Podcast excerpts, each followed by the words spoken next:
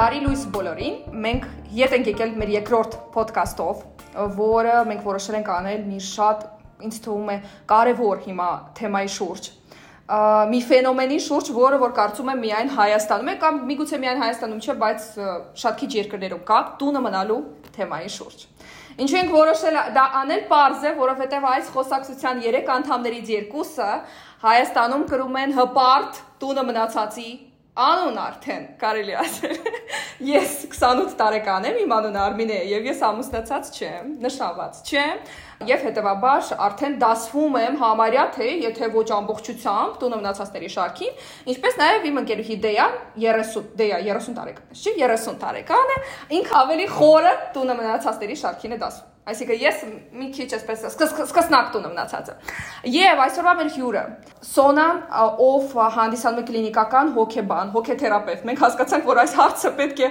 լավ մասնագետի ու հոգեբանի հետ խոսենք ու քննարկենք։ Շատ շնորհակալ եմ, կարծում եմ, որ շատ ոչ հեշտ թեմա է խոսալու համար եւ այդպես տարբեր տեսանկյուններ կան այդ թեմայի շուրջ։ Միանգամից ասեմ մեր առաջին հարցին, որպեսզի ժամանակ չկորցնենք, որովհետև շատ հարցեր ունենք երկու տոնը մնացածով ձեզ տալու։ Որպեսզի դուք մեզ հույս տաք, այսինքն այս ոդկասթը անում ենք ոնց որ ես ու իմ ընկերուհի դեան, որպեսզի ձեզանից ստանանք հույս, որ ամեն ինչ այդքան վատ չէ մեր կյանքում։ Կամ ընդհակառակը, հասկանանք, որ ամեն ինչ վատ է ու ինչ որ մի բան պիտի փոխենք մեր կյանքում։ Առաջին հարցը միանգամից։ Ինչու է մեր երկրում այս գլոբալիզացման դարաշրջանում, երբ որ կա ինտերնետ, երբ որ կինը այլևս չի հանդիսանում ուղակի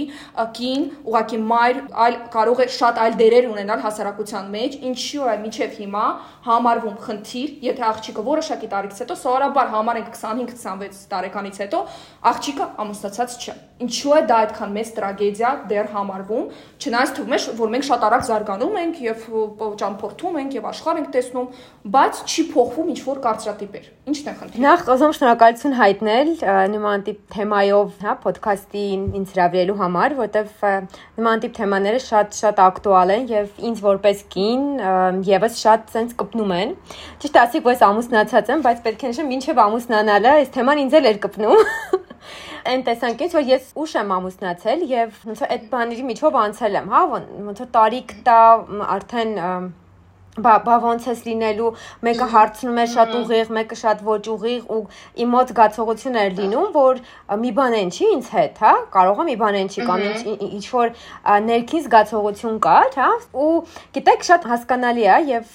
երբ որ արդեն մի քիչ խորանում ու վերլուծում ես այս ամեն ինչը, նոր հասկանում ես, որ իրականում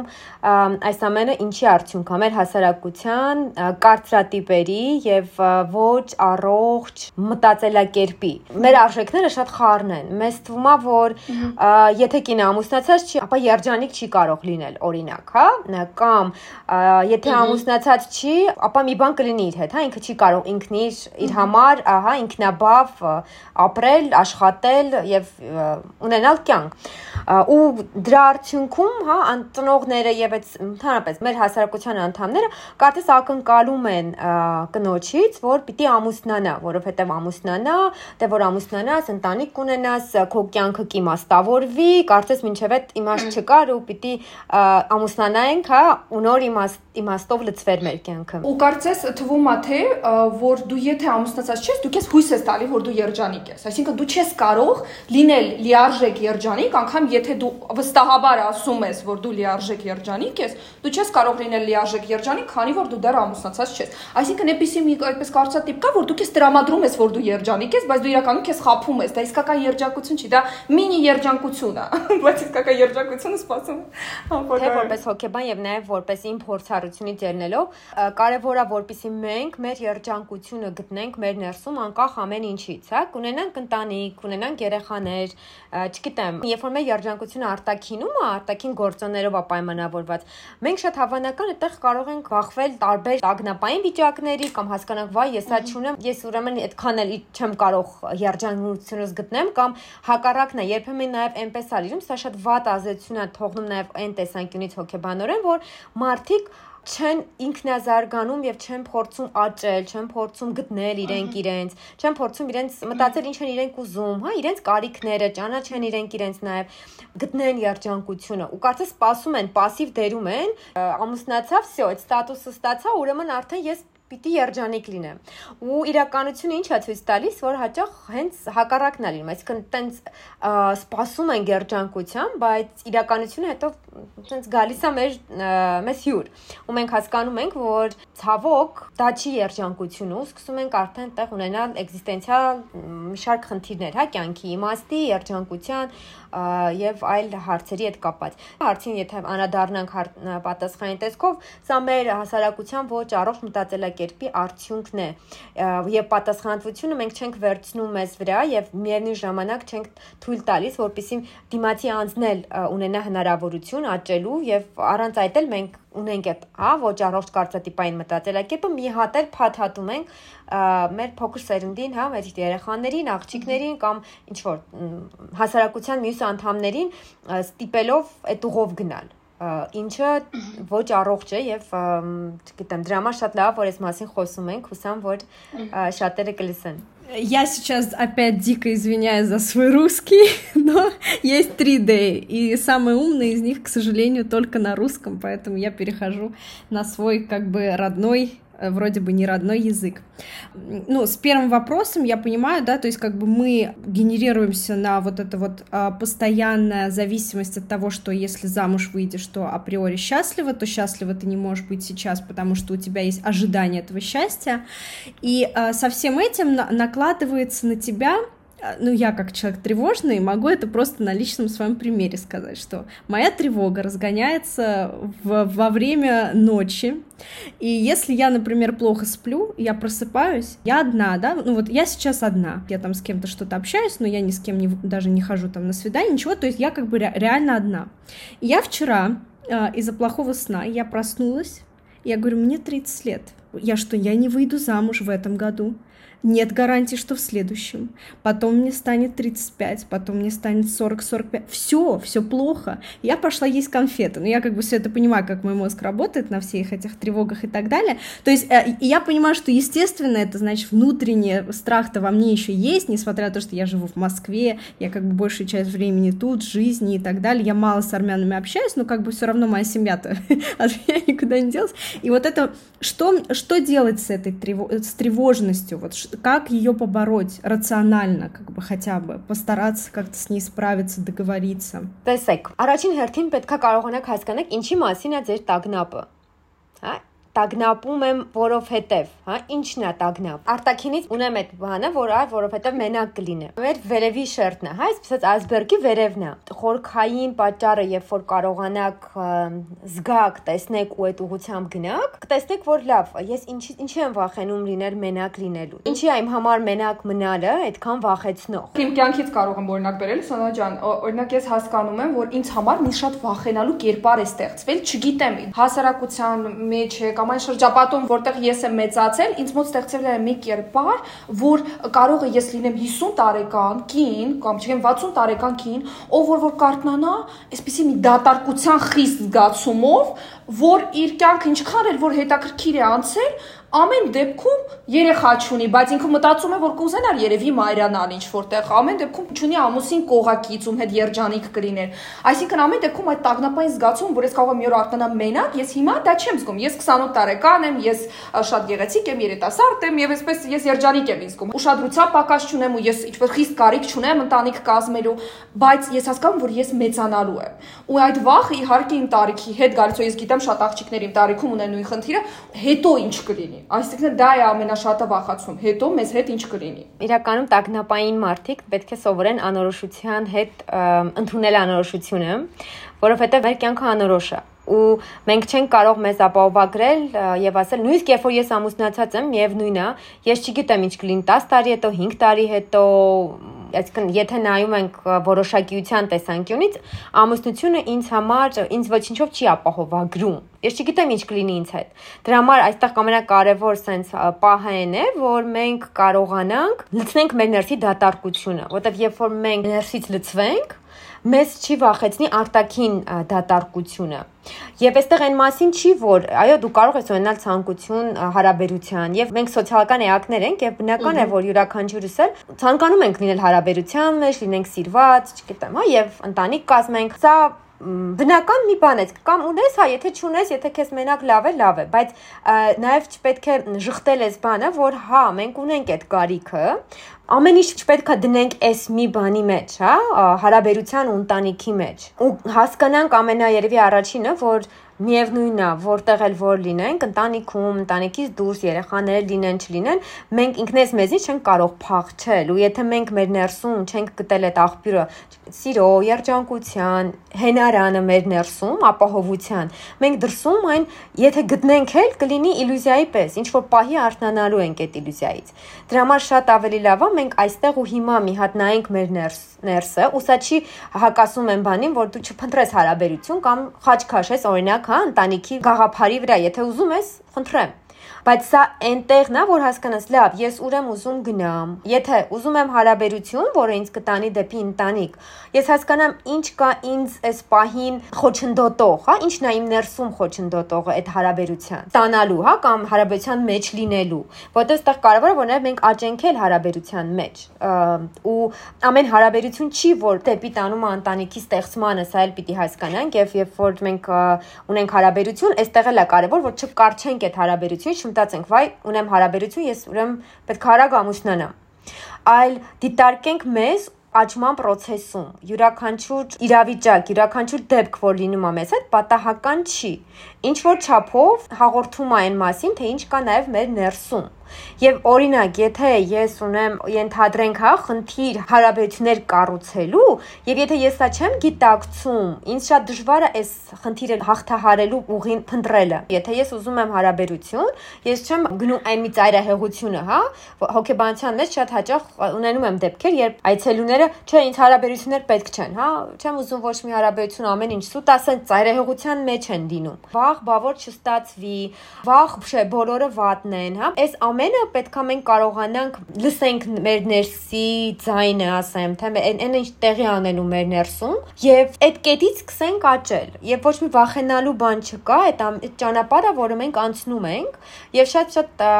հավես ճանապարհ կարող է լինի, եթե մենք վստահենք մեր ճանապարհին, ընդունենք այն կետը, որտեղ որ մենք կանք։ Լավ, օքեյ, հիմա մենակ եմ, չպետք է վազեմ առաջ, տագնապային մարդիկ վազում են ապագայով են, հա, ապագայի մեջ են կամ փորձում են ապագայում տեսնել իրենց ապահովությունը։ Կարևորը ամեն պահի, թե տագնապային գրողների ժամանակ են խորհուրդ տալիս, հա, անում ենք հողակցման վարժություն, հա, երբ որ մարդ սկսում է շնչառական վարժության միջոցով, այստեղ հիմա, հա, ոտ զգում է, որ ինքը հողի վրա է կանգնած, մենք մեզ բերում ենք դեպի ներկա նույնը այս process-ի հետ է տագնապում ենք այս հարցի հետ կապած մեզ պետքա բերենք ներկա ես ներկայում այստեղ եմ գտնվում այս իրավիճակը ունեմ եւ ընդունելով ներկան, լինելով հաղորդակից ներկայի հետ, շատ ավելի տագնապնել է իջնում եւ հասկանում եմ, որ ես ինչ եմ ուզում, ուզում եմ լինել երջանիկ, ես իսկ ինչի հիմա երջանիկ չեմ ինչն է ինձ հետ պահում երջանիկ լինելու։ Դատարկ եմ, իսկ ինչի եմ ինձ զգում դատարկ կապված է սա ամուսնության հետ, ընտանիքի հետ, թե ուրիշ բան կա։ Մեզ թվում է, որ հա, սա լինի, ուրեմն ես լավ կզգամ ինձ բայց միշտ չի որ այդպես է ու կարևոր է որպեսի այստեղ ներկա հիմայով նայենք ինքնես մեզ ու ասենք լավ ես հիմա այս պահին ինչն է ինձ հետ պահում լինելու երջանիկ Միթե իմ երջանկությունը ես կապում եմ ընտանիքի հետ։ Միթե ես երջանիկ եմ եւ լցված եմ սիրով եւ ապրում եմ աշխարհում կա հազար ու մի բան, հա, որ որով ես կարող եմ գտնեմ ներսի, հա, ոնց որ սերը մի բանի մեջ չի, չէ՞։ Հարաբերությունը չի միայն որ ինձ սնուցելու է։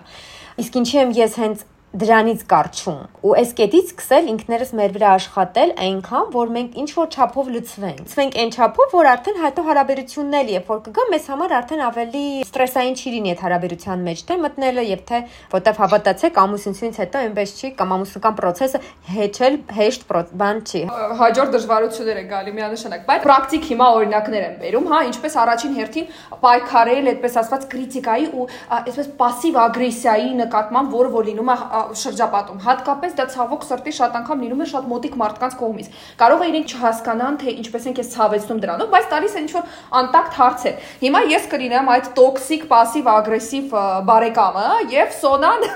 կսովորեցնի ինչպես պատասխանել։ Վստահ եմ, որ շատ աղջիկները բոլորը նման հարցերի հետ են հանդիպում։ Մի քանի հարց ուղակի, որոնք որ ինձ թվում է ավելի հաճախ են լինում։ Օրինակ, Սոնա ջան, դու ճունես ընկեր նշանած ու զող անգամ ճունես, Օրինակ, որ այդպես տեսնում ենք այս հանդիպումը, նման հարց են տալի եւ անգամ անտակտությունը ասում են նա, որ աղջկանից հարցում են ինքը ունի ուզող, դե ուզող ասված ընդհանուր առմամբ հավանող ասվածը դա շատ խիստ հայկական երևույթ է, որովհետեւ սովորաբար աշխարհում մարդիկ երկու հոգով են միմյանց հավանում, հա, իսկ մեր մոտ այդպես պիտի ուզող լինի, պիտի մեկը լինի քեզ որ ուզի, դու կարող ես իրան չուզել, բայց ինքը պիտի քեզ ուզի։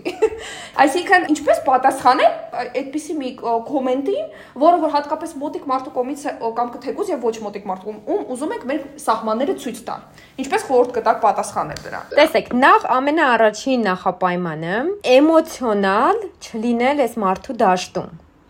որտեվ երբ որ այս մարդու ասվածը մեզ կպնում է ու մեր մոտ ինչ-որ հույզ է գմփում,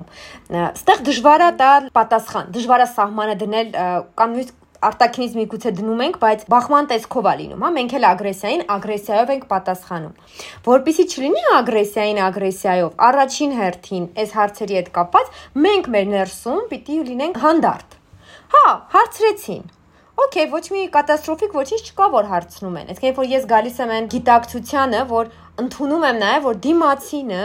կարող է այո, այսպիսի հարց տալ։ Հարց, որը այո, իմ սահմանները խախտում է։ Այս մարդը այսպիսին է, եթե իմ հարազատն է, իմ հարազատն է այսպիսին, ես սա ընդունում եմ, օտար մարդը հասարակության անդամ եւս ներքին մագարտակով ընդունում եմ։ Երկրորդ քայլով արդեն ես ազատ եմ իմ սահմանը դնելու։ Ու երբ որ ես ճունեմ խորքային ագրեսիա, որ իր ագրեսիային իմ ագրեսիան է կպնի, ինձ արդեն պատասխանները շատ տարբեր կարող են լինել, հա, սկսած նրանից, որ ուղղակի հարցնում ես, իսկ ինչի համար եք հարցնում, հա, ոնց որ հետադարձ հարց ես տալիս, ինչի ինչի է ձեզ դա հետաքրքիր, հա? Կամ գիտեք, կարծում եմ մի քիչ անձնական հարց է եւ չեմ ուզում պատասխանել։ Կարող ես հենց հստակել ասել, հա? Սահմաններ դնելը շատերս նաեւ դա պիտի սովորենք։ Եթե մենք դա չենք ասում ագրեսիայով, դիմացինը շատ հանգիստ ընդունում է, հարգում է քո սահմանը։ Հա չի կարողանում հետո մանիպուլյացիա անի, ասի ես հենց ասի դու էլ նայ ոնց պատասխանեց հա, չգիտեմ, կամ աշկերը ֆրցրեց, օրինակ։ Ես օրինակ կատակի եմ տալիս, դա ինձ շատ է օգնում։ Կատակը, պես իրոք քո սահմանները ցույց ես տալի հումորի տեսքով, որպեսզի մարդը հասկանա, որ պիտի սահման պահի քո հետ։ Հումորը շատ լավ աշխատում է, շատ լավ տարբերակը, եւս հումորով ասելը, հա, ենթադրենք, մի անգամից այդ մարդը հասկանում է։ Ու հումորը ցանկացած հարցի, երբ որ անդրադառնում ես, ավելի թեթև ու հեշտ է լինում։ Երբ որ հարցնում են, չգնես այդ բանի տակ, հա, այդ տենց չկպնի դա քեզ ներքուս, որովհետև հենց կպավ քո արձագանքը արդեն խոցելի տեղից է գալու։ Կարող է ագրեսիվ չլինես, կարող է ընկճվես, բայց դու արդեն խոցվում ես, իրա դաշտում ես լինում, այսպես ասած, հա, նույն դաշտում ենք լինում։ Ու այդտեղ արդեն մի փոքր մեր հաղորդակցությունը եւ մեր զգացողությունը, որովհետև ինչու ենք պաշտպանում մեր սահմանը։ Ի վերջո նպատակը այն է, որ մենք մեզ լավ զգանք։ Չպատասխանենք ու հետո գնանք ու ասենք հələ նա ինչ հարց տվեց, ինչ սկսենք ցենք բռնենք եւ այլն եւ այլն։ Ամենակարևոր նպատակը, ոչ թե մտածենք ինչ ասեմ, որ մի հատ սպորտը տեղը դնեմ, սենց ասված, հա, այլ ամենաառաջնային կարևոր նպատակը նախ մենք այս հարցի հետ կապված լինենք այնքան հանգիստ, որ մեզ դա չկպնի։ Օրինակ կարամ բերեմ, միշտ այս օրինակը ասում եմ, պատկերացեք հոկեբանը լեկցիա է կարդում, մարդիկ են նստած, ու մեկը վերջում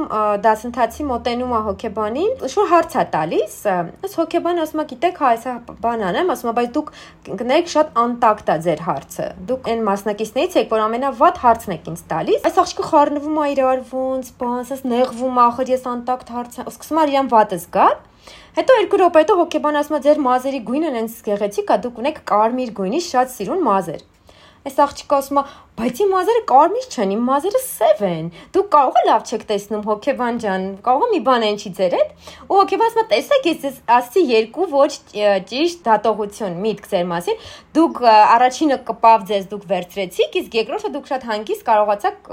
պատասխանել ու չընդունեցիք։ Հիմա նույնը մեր այս հարցերում է։ Մենք եթե չի կպնում մեզ ու մենք մեզ լավ ենք զգում, մենք գիտենք, որ ամեն ինչ լավ է, ես երջանիկ եմ, դու սկսում ես հարցին արդեն հումորով հանգիստ պատասխանել։ Հետո կա ավելի ծանր տարբերակը, երբ որ փորձում են ամուսնացնել, ծանոթացնել, երբ որ դու դա չես ուզում կամ դու այդ մարդուն գիտես, դու կատեգորիկ չես ուզում, բայց անպայման բարեկամները, հարևանները, մորաքույրը անպայման պիտի ձեզ ծանոթացնի ինչ որ մի կաղ, ինչ որ մի թմրամոլի հետ, ով անգործ է վերջին 30 տարին ու մտածում են, որ երևի մեր տունը մնացած աղջիկը ամենալավ տարբերակը կլինի այս թմրամոլի հետ ծանոթացնելը։ Ինչպես պահել սահմաններ ու ցույց տալ, որ չէ, չի հասնելու տալու նրան։ Ես չեմ ուզում, որպեսզի դուք ինչ որ քայլեր անեք եւ ես այդ մարդու հետ հանդիպեմ եւ ես այդ մարդու հետ ծանոթանամ, ես այդ ցանկությունը չունեմ։ Բացի նրանից, որ ուղիղ պիտի ասել, Կարծում եմ կան նաև մի քանի այլ տարբերակներ, հուսով եմ, որպեսզի հասկացներ այդ սահմանը պահվի։ Շատ անգամ ծնողները նույն իրենք ծնողներն են դա անում։ Դա ամենացավոտն է, որովհետև դու սիրում ես քո ծնողներին, բայց դու հասկանում ես, որ իրենք այնպես են պահում իրենց, որ քո սահմանները չեն հարգում, քեզ չեն հարգում ու պիտի իրենց հետ լեզու գտնես։ Դու չես կարող իրենց ուղղակի ասել ցտեսություն ու հեռանալ։ Ես գիտեմ, որ շատ աղջիկների կյանքում ցավոք սրտի դա այդպես կրկնվող թեմա է գրեթե ամբողջ օր։ Այսինքն ամեն օր կարող է մայրը ասի, բա ինչ է լինելու սա, բա ինչ է լինելու քո հետ։ Եվ դա դա իրականում ինձ թվում է այսպես կաթիլ առ կաթիլ, ինչպես տրավմայի է ընթարկում մարդուն։ Ինչքան էլ դու փորձես դրանից այդպես առանձնանաս, քեզ ասես, որ դու շատ առանձին ես այդ թեմայից, բայց ամեն դեպքում դա ազդում է վրա։ Իրականում դժվար է, երբ որ քո հարազատն ու հատկապես ընտանիքի մոտ անդամն է, որտեղ ուրիշ պարագայում հա կարող ես ասել, կարող ես շփվել, հա, սահման դնելը ավելի հեշտ է, բայց Երբ որ դա տեղի անելում ընտանիքի անդամի ծնողի կողմից, այդտեղ մի փոքր իհարկե դժվար է։ Կարող ես իհարկե գնալ առանձին ապրել, հա, այդ կերպով քո սեպարացիան ապահովես, բայց միևնույնն է իրենք խոսելու են, հա, միևնույնն է ասելու են դա։ Եվ այստեղ ուղղակի իմա նախքին ասված բանը, հա, պիտի ընդունենք այս մարդուն, հենց ոնց ինքը կա։ Եվ չեն կարող գոռալ։ Պիտի ասենք, այնքան մինչև կհասկանաք, սա է ուրիշ տարբերակ մենք չունենք։ Մենք չենք կարող երի դիմացինին վերահսկենք, ստիպենք, որպիսի շուտ գիտակցի։ Մեր ծնողն է, չի տեսնում, չի հասկանում մեզ։ Մենք կարող ենք այստեղ գիտակցենք, որ այս մարդը ունի ինչ-որ անհանգստություն տագնապ, ինչից նա ուզում է, որ ես շուտ ամուսնանամ։ Հիմա մի հատ հասկանամ, նստեմ խոսեմ, հատկապես եթե հարազատ մարդ է, դրա համար եմ այսպես ասում, հա, ուրիշի պարագայում չարժի այսքան խորանալ։ Բայց երբ որ ընտանիքի անդամ է ու դու չես ուզում հարաբերությունները փչացնել կամ չես ուզում որ էմոցիոնալ թողնես գնա գնաս եւ ավելի sense կռիվների վերացի, դու պիտի գոնե կարողանաս այստեղ փորձես, հա, չեմ ասում որ սա աշխատող միշտ կաշխատի, որովհետև մենք ոչ մեկի հանդեպ չունենք վերահսկող, չեն կարա փոխենք։ Բայց գոնե ինչ որտեղ կարող են քո արդեն իրան հասկանալը, որ մի րոպե ինչից ես տագնապում, ես ինքնուրույն եմ, ես լավ եմ ինձ զգում, դու ուզում ես որ ես ինչ լինեմ, ամուսնացած դժբախտ թե մենակ, բայց երջանիկ։ Ես էլ եմ ուզում ամուսնանալ միգուցե։ Ոնց որ ես առանձին էակ եմ։ Այ այս դիալոգի միջոցով մենք պիտի փորձենք ինչ որ եզրեր գտնել հա, երբ որ այնքան է սահմանը հա, հատում, դա հատկապես ասում երբ որ հա կարող ենք արդեն չեմ առանձնանալ, ինչ որ դիստանցիա վերցնենք, բայց շատերը նույնիսկ դա չեն էլ փորձում։ Դե համար մինչև կտրուկ ինչ որ վայ հոգնեցի, զզվացրեց եւ այլն, վեն ընտանիքի հարազատ մարդ է։ Մի հատ նստենք, հետո տեսենք իդ ինչն է իրան տես տագնապում ինչն է խնդիրը, փորձենք իրան աճացնենք, որովհետև եթե այստեղ էլի մենք աճացենք, այս այս հարցը մեզ չի կպնում, բայց այս մարդուն կպնում է պիտի հասկանենք ինչի է կպնում։ Օգնենք իրան։ Տարբերակ ունենք անտարբեր լինելու, տարբերակ ունենք չոր սահման դնելու, տարբերակ ունենք չխոսելու, ասելու գիտես, այս թեման որ մի անգամ էլ խոսես, ես չեմ պատասխանելու։ Այս այսրանք էլ են աշխատող տարբերակներ, բայց մինչև ուզում եմ ասեմ այդ տարբերակներին անցնելը առաջին հերթին լավ կլինի, որ մի հատ խոսենք։ Հաճախ այդ կոմունիկացիան մեր մոտ պակասում է, բարձ կոմունիկացիան։ Ապրում ենք նույն տանիքի տակ, բայց կարծես երբ ճշնամիներ լինենք, մեկս մի բան է ուզում, մեկս մի բան բայց չէ որ նույն թիմից ենք, հա, ասեն սիմվոլիկ ասված։ Դրա համար առաջին հերթին փորձել կոմունիկացիայի միջոցով, հա, սիրո լեզվով խոսել, բացատրել, համբերատար ձևով։ Քո ծնողն է, չի հասկանում, հա։ Հիմա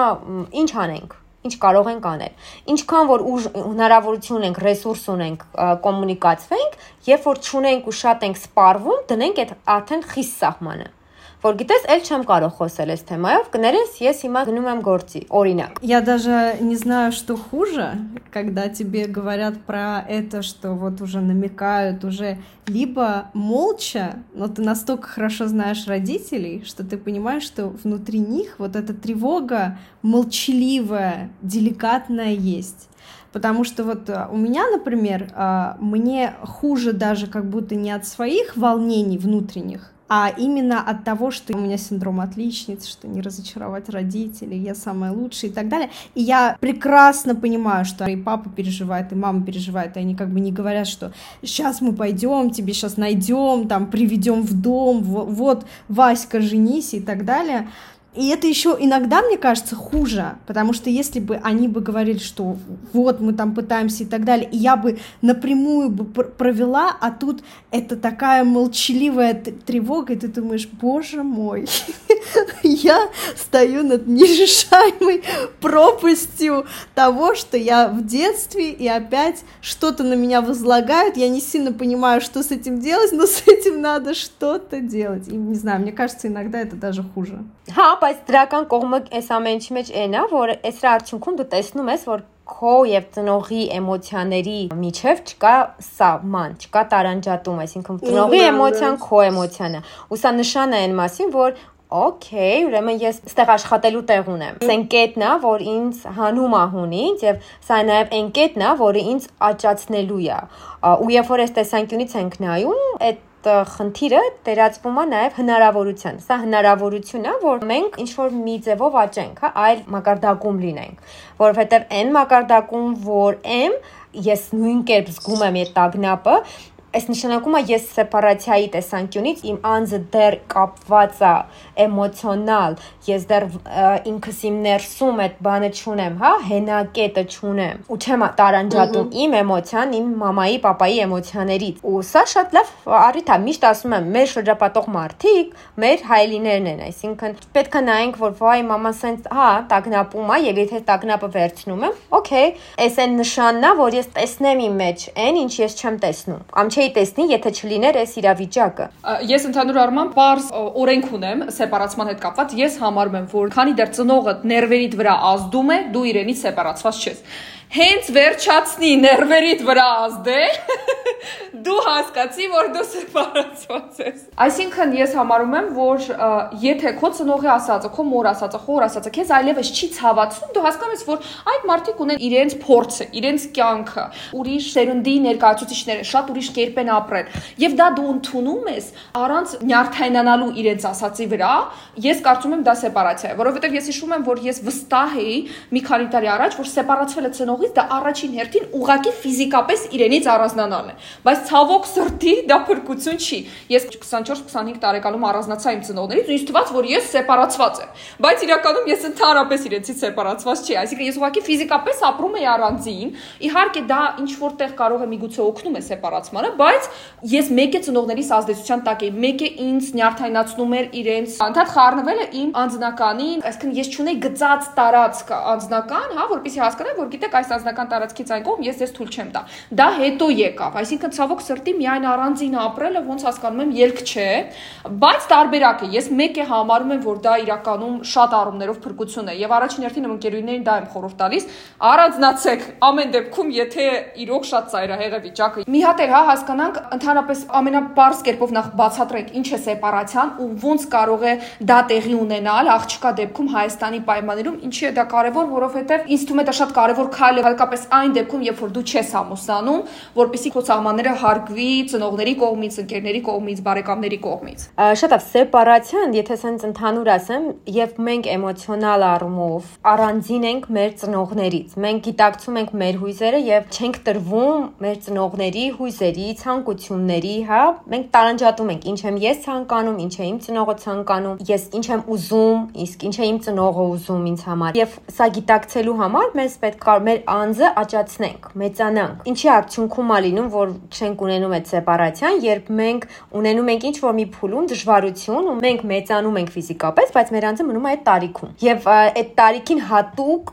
ձևով մենք կախված ենք լինում մեր ծնողից մեր ծնողի կարծիքից, ինչ որ մի հատ իր էմոցիաներից։ Սա հեշտ process չի իրականում եւ այնպես չի որ բոլորը շատ հարթ են անցնում, բայց այս այն process-ն է, որ մենք մեզ սկսում ենք գտնել, ճանաչել, վստահել եւ մեր կարիքներին ոչ թե ակնկալել, որ մեր կարիքները պետք է բավարարվի ծնողի կողմից ու հետ գնանք անցյալ ու անդադ այդ նույն բանը, հա, պատտացնենք, այլ արդեն մենք հասուն ենք։ Մենք տեսնում ենք մեզ որպես հասուն անձ, ով կարող է ճիշտ ընտրություն անել, մենք վստահում ենք մեզ։ Հա, ես հիմա չեմ ուզում սա անել, այս փուլում եմ, ես գիտակցում եմ, սա ես եմ, ընդունում եմ ինձ, գիտակցում եմ որտեղ եմ եւ գիտեմ ուր եմ գնում, հավատում եմ նաեւ ինքս ինձ։ Ու երբ որ այս ամենի մեջ ինչ որ չափով աշխատում է, ինձ ավելի հեշտ է լինում սեպարացվելը կամ նկատելը այն դեպքերում, թե երբ եմ ես օրինակ տրվում ծնողիս էմոցիային, որտեվ կարող է այդպես լինել, հա, ինչ որ պահի տակ։ Ու երբ որ գոնե ես ա ունեմ իմ մտքում ու գիտակցել եմ, մի քիչ ինձ վրա աշխատել եմ, արդեն ինձ նաև հեշտ է լինում այդ սահմանը տեսնել ու պահելը։ Я просто хотела сказать, что это очень важно понимать и знать девочкам в каком плане. Тут даже не дело в том, что а, там у нас более традиционная культура и так далее. Я все-таки росла как бы здесь в России, и вот моя одноклассница с ее сестрой и их мать, да, вот это трое триада, это показатель того, как это важно. Почему? Потому что одна женщина, мама, из желания сделать их двоих счастливыми сделала их одинаково несчастными. В каком плане? Что она с 20 лет капала на мозги старшей дочери, она была МГУ отличницей и все такое. Она сказала, вот 23 уже все, уже надо выйти. Она вышла замуж, вот прям вот, вот так вот, забегая. У нее что-то случилось, какой-то кризис с мужем. А, то есть мама сначала подгоняла замуж, а потом она сказала, это не моя дочь, если она не разведется. Потом она также гнала вторую дочь, что вот уже 20, уже надо замуж и так далее. Моя э, одноклассница взяла моего одноклассника вот так вот, ну, как бы просто он хотел единственный, наверное, ее, вот в 20 лет, естественно. И они пошли и через год развелись. Вот что значит, когда для тебя важнее, что твоя мама тебя подгоняет, ну, она же не делала это из того, что вот твари, страдайте, как я, там, будучи замужем и так далее. Нет, конечно, она желала им искренне как бы хорошего, что может пожелать мать дочери. Но она сделала двоих дочек, по сути, мне кажется, несчастными, потому что лучше, как я, в 30 лет быть одинокой, чем иметь развод, жениться, разводиться из-за того, что мне мама туда-сюда скачет, говорит, что либо ты не моя дочь, разведись, моя дочь еще и замуж должна выйти такой чуть-чуть житейские, житейские страшные истории, девочки. Որ ամենավտանգավորը դա այդպես անգլերեն լավ բառ overprotective, այսինքն խիստ խնամող ծնողն է։ Այնքան է ուզում լավը իր երեխայի համար, որ իրականում իր երեխայի կյանքը փչացնում է։ Այսինքն չէ դու պիտի լավ ապրես, դու պիտի երջանիկ լինես, մենք քեզ ամեն ինչ կտանք, բայց իրականում դրանով շտապեցնում են, չեն թույլ տալիս, որպեսզի անձը ձևավորվի, հասունանա։ Եկեք ճիշտը խոսենք հայ աղջիկների մոտ, մեզ մոտ ցավոք սրտի այսպես հասունացումը շատ ավելի ուշ է գնում, քան եթե մենք համեմատենք այլ երկրների հետ, հա, եթե համեմատենք Եվրոպայի հետ, աղջիկները 18 տարեկանից աշխատում են, ինքնուրույն են բավականին։ Մեր երկում անգամ եթե աշխատում են, ամեն դեպքում խիստ ընտանիքին են կապված։ Ընտանիքը չի ընդունում տարբերակ, որ աղջիկը պիտի առանձին ապրի մի որոշ ժամանակ։ Սովորաբար դա ընտանիքի հետ է, հետո ամուսնանում է։ Այսինքն աղջիկա մոտ այսպես հասունությունը, ինքնությունը ու ինքն իրեն ճանաչելը գալիս է երևի 35 տարեկանի մոտ լավագույն դեպքում ու ցավոք սրտի այդ տարիքում կարող է դու ունես արդեն ամուսնացած այն մարդու հետ ում հետ դու չես ուզում ամուսնացածներ ունենաս երեխաներ ունենաս շատ պարտականություններ որոնք քեզ կծանրացնեն այսինքն այդպես դու ավելի արագ ես քո կյանքը դասավորում քան քո հասունացման process-ն է գնում ու դրա համար այդպես ոչ համընկնող իրավիճակներ են լինում ու դու ինչ որ մի օր հայտնում ես իրավիճակում որ դու չես ուզում այս կյանքը ունենալ բայց դու արդեն ունես պարտականություններ Я когда была в Лондоне у своих подруг, мне было 24 года. Я пошла на их студенческое празднование окончания университета. Я была самая младшая. Им было 30 с лишним лет. Такие пацаны, девочки такие, а 30 лет. Как бы отовсюду, ни детей, ни парней, ничего. И я смотрю на них, я думаю, они выглядят почему в 30? А я уже тогда в 24 думала, что 30 я уже должна быть глубоко замужем с 50 детьми на шее. И я думала, почему они выглядят моего возраста, почему они такие счастливые? Они уже должны должны быть обремененные вот это вот бременем быта, понимаешь? Ипотека, вот думать о детях, о соплях, о кашле, об изменах мужа и так далее. Я думаю, почему они все такие радостные? Чему они радуются? Им 30 лет, у них ни жены, ни кола, ни двора, понимаешь? Вот, вот, вот что значит разница культур все-таки. Поэтому чем больше вы узнаете о других культурах, что вы понимаете, что не обязательно в 35 быть уставшей от жизни уже такой женщины, то тем лучше. Или мужчины, неважно, да, это как бы мои гендерные предпочтения. Поэтому чем больше вы узнаете, спрашивайте себя, а так ли я хочу на самом деле? Вот, кстати, вот хороший вопрос. Я к 30 годам, как я сама шучу, я только позавчера захотела замуж. Ну вот буквально, как 30 стукнуло. Но важный вопрос. Вот потому что я эмоционально, я чувствую других людей, к сожалению, пока что лучше, чем себя, потому что мне кажется, что то, что я чувствую, это как бы не важно. Я сейчас сама с собой поговорю, решу эти вопросы, а чужие эмоции, я же не могу на них подействовать. Поэтому мне больше за это. Так вот, как понять, я вот это позавчера замуж захотела я, или это потому, что я знаю, что мои родители хотят, мои родственники хотят? Вот как отделить вот эту вот мысль. Вот я сейчас, вот несмотря на то, что мы столько наговорили плохого про Երեխեք, ես ուզում եմ все-таки ամուսնանալ։ Այստեղ նաև գնալու է գովազդը, որ մենք մանենք գալիս փեսացուներ։ у нас получилось так, мы позвали психолога, мы решили свои проблемы. На самом деле никакого подкаста не будет. Да-да, мы просто не знали, как это сделать, да. В общем, мы решили свои проблемы, и все-таки я пришла к выводу, что я хочу замуж. Но как важно, и вот я сейчас должна понять, это реально вот я хочу, или это вокруг меня хотят, и у меня в мыслях сидят чужие мысли. Եթե մի պահ պատկերացնենք, որ ոչ մեկ ոչ մի բան չի ուզում, հա? Պատկերացեք ձեր ծնողներին, որ իրանք այդ հարցի հետ կապված ընդհանրապես չկան, եւ դուք մենակ եք։ Այդ ժամանակ ինչ եք ուզում։ Я могу вот так вот совсем отделиться, что как будто вот их нет, вот вообще никого нет. Нет, я хочу. Мне кажется, что создание ячейки семьи, я как будто бы уже пришла к тому, что вот мне уже хочется. Я хочу видеть партнера, я хочу видеть какой-то дом. И это не то, что я боюсь, что этого не будет. Я как будто хочу, чтобы это было, потому что это какая-то новая веха жизни, что-то интересное, какой-то вот а, старт чего-то. Да? Я не говорю, что без этого типа я несчастна, я сейчас башкой бьюсь об стену и все такое. Нет, то есть я как бы все у меня окей, но если вот отделить вот, что вот никого нет, я все равно хочу. У меня есть такое, я знаю, вот, например, у меня есть какие-то голоса в голове, я понимаю, это мама, это брат, это папа, а вот это уже я. Поэтому нет, я могу ответить, что это я. О, это ստար так, а որ դու с узом. Косир то շատ ուրիշ ձևա բաբախում։ Այսինքն ստեղ նաև կարևոր է այդ պահն էլ որ զգալ, որովհետև շատ ուրիշ է, որ նաև դու ես ուզում, քո ներսը շատ ուրիշ ձև է այդ Я когда сказала вот и всех отделить, и я хочу замуж, я вот чувствовала вот это вот поднятие, вот это вот сердцебиение, я чувствую, что у меня как бы кровь приливает к щекам, ну в смысле от чего-то приятного որ ես նույն հարց ինձ տվեցի, նույն պահին ու ինձ մոտ լրիվ ուրիշ ռեակցիա էր։ Ես հասկացա, որ ես այնքան ունեմ վախ ու անվստահություն ամուսնական հարաբերությունների նկատմամբ, որ երևի թե եթե չլիներ այդպես մի ազդեցությունը ինձ վրա, որ պիտի ամուսնանալ, պիտի գոնե երեխա ունենալ այս կյանքում, կարծում եմ, որ ես հիմա ինձ վերապահեի այդ քայլը անելուց։ Ու ես հասկանում եմ, որ իրականում համարյա երևի ամենահիմքային խնդիրը դա խիստ անվստահությունն է ամուսնության նկատմամբ, որը ցավոք սրտի գալիս է իհարկե մեր ընտանիքներից։ Գալիս է մեր հասարակությունից, մեր շրջապատից Երբ որ երևի միգուցե ինչ որ միտեղ չենք տեսել այդպիսի մի իդեալական կերպար, որը որ կուզեինք տեսնել ամուսնության, հատկապես 90-ականներին ծնված երեխաները, սովորաբար դա իրոք դժվար տարիներ էին ու կարող է եւ այն ինչը դու պատկերացնում ես, ինչը որ կուզես լինի քո ընտանիքը, դու այդպիսի լավ օրինակներ չունես։ Իդեպ խորհուրդ են տալիս, երբ որ ես անվստահության խնդիր ունեմ, ու ինձ թվում է Սոնանեն ինձ հետ կհամաձայնվի, որ դա միգուցե օգնում է եւ իրոք օգտագործում են, այսինքն վերցնել օրինակ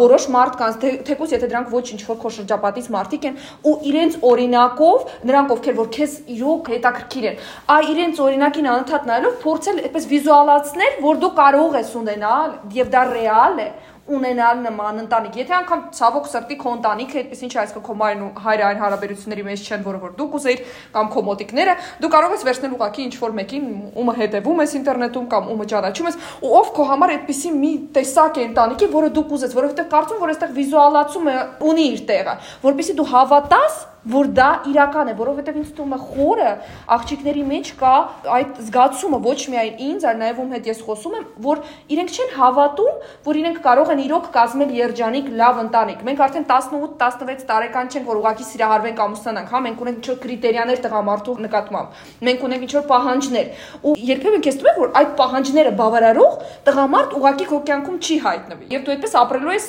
ուղակի, որովհետև դու չես կարող ընտրել ուրիշին, քանի որ դու քեզ թույլ չես տա այդպես քո ստանդարտները միգուցե իջացնել, չգիտեմ, կամ քո կրիտերիաները հերթով բոլորը հեռացնել ու թողնել ինչ որ շատ քիչ կրիտերիաներ։ Այլ ուզում ես բոլոր կրիտերիաները մնան այդպես ցանկում։ Կարծում եմ դա էլ է խնդիր։ Այդ հավատը, որ կարող է քո անձնականը ստացվի։ Слушай, интересно, я сейчас задумалась, и я поняла, что реально же у многих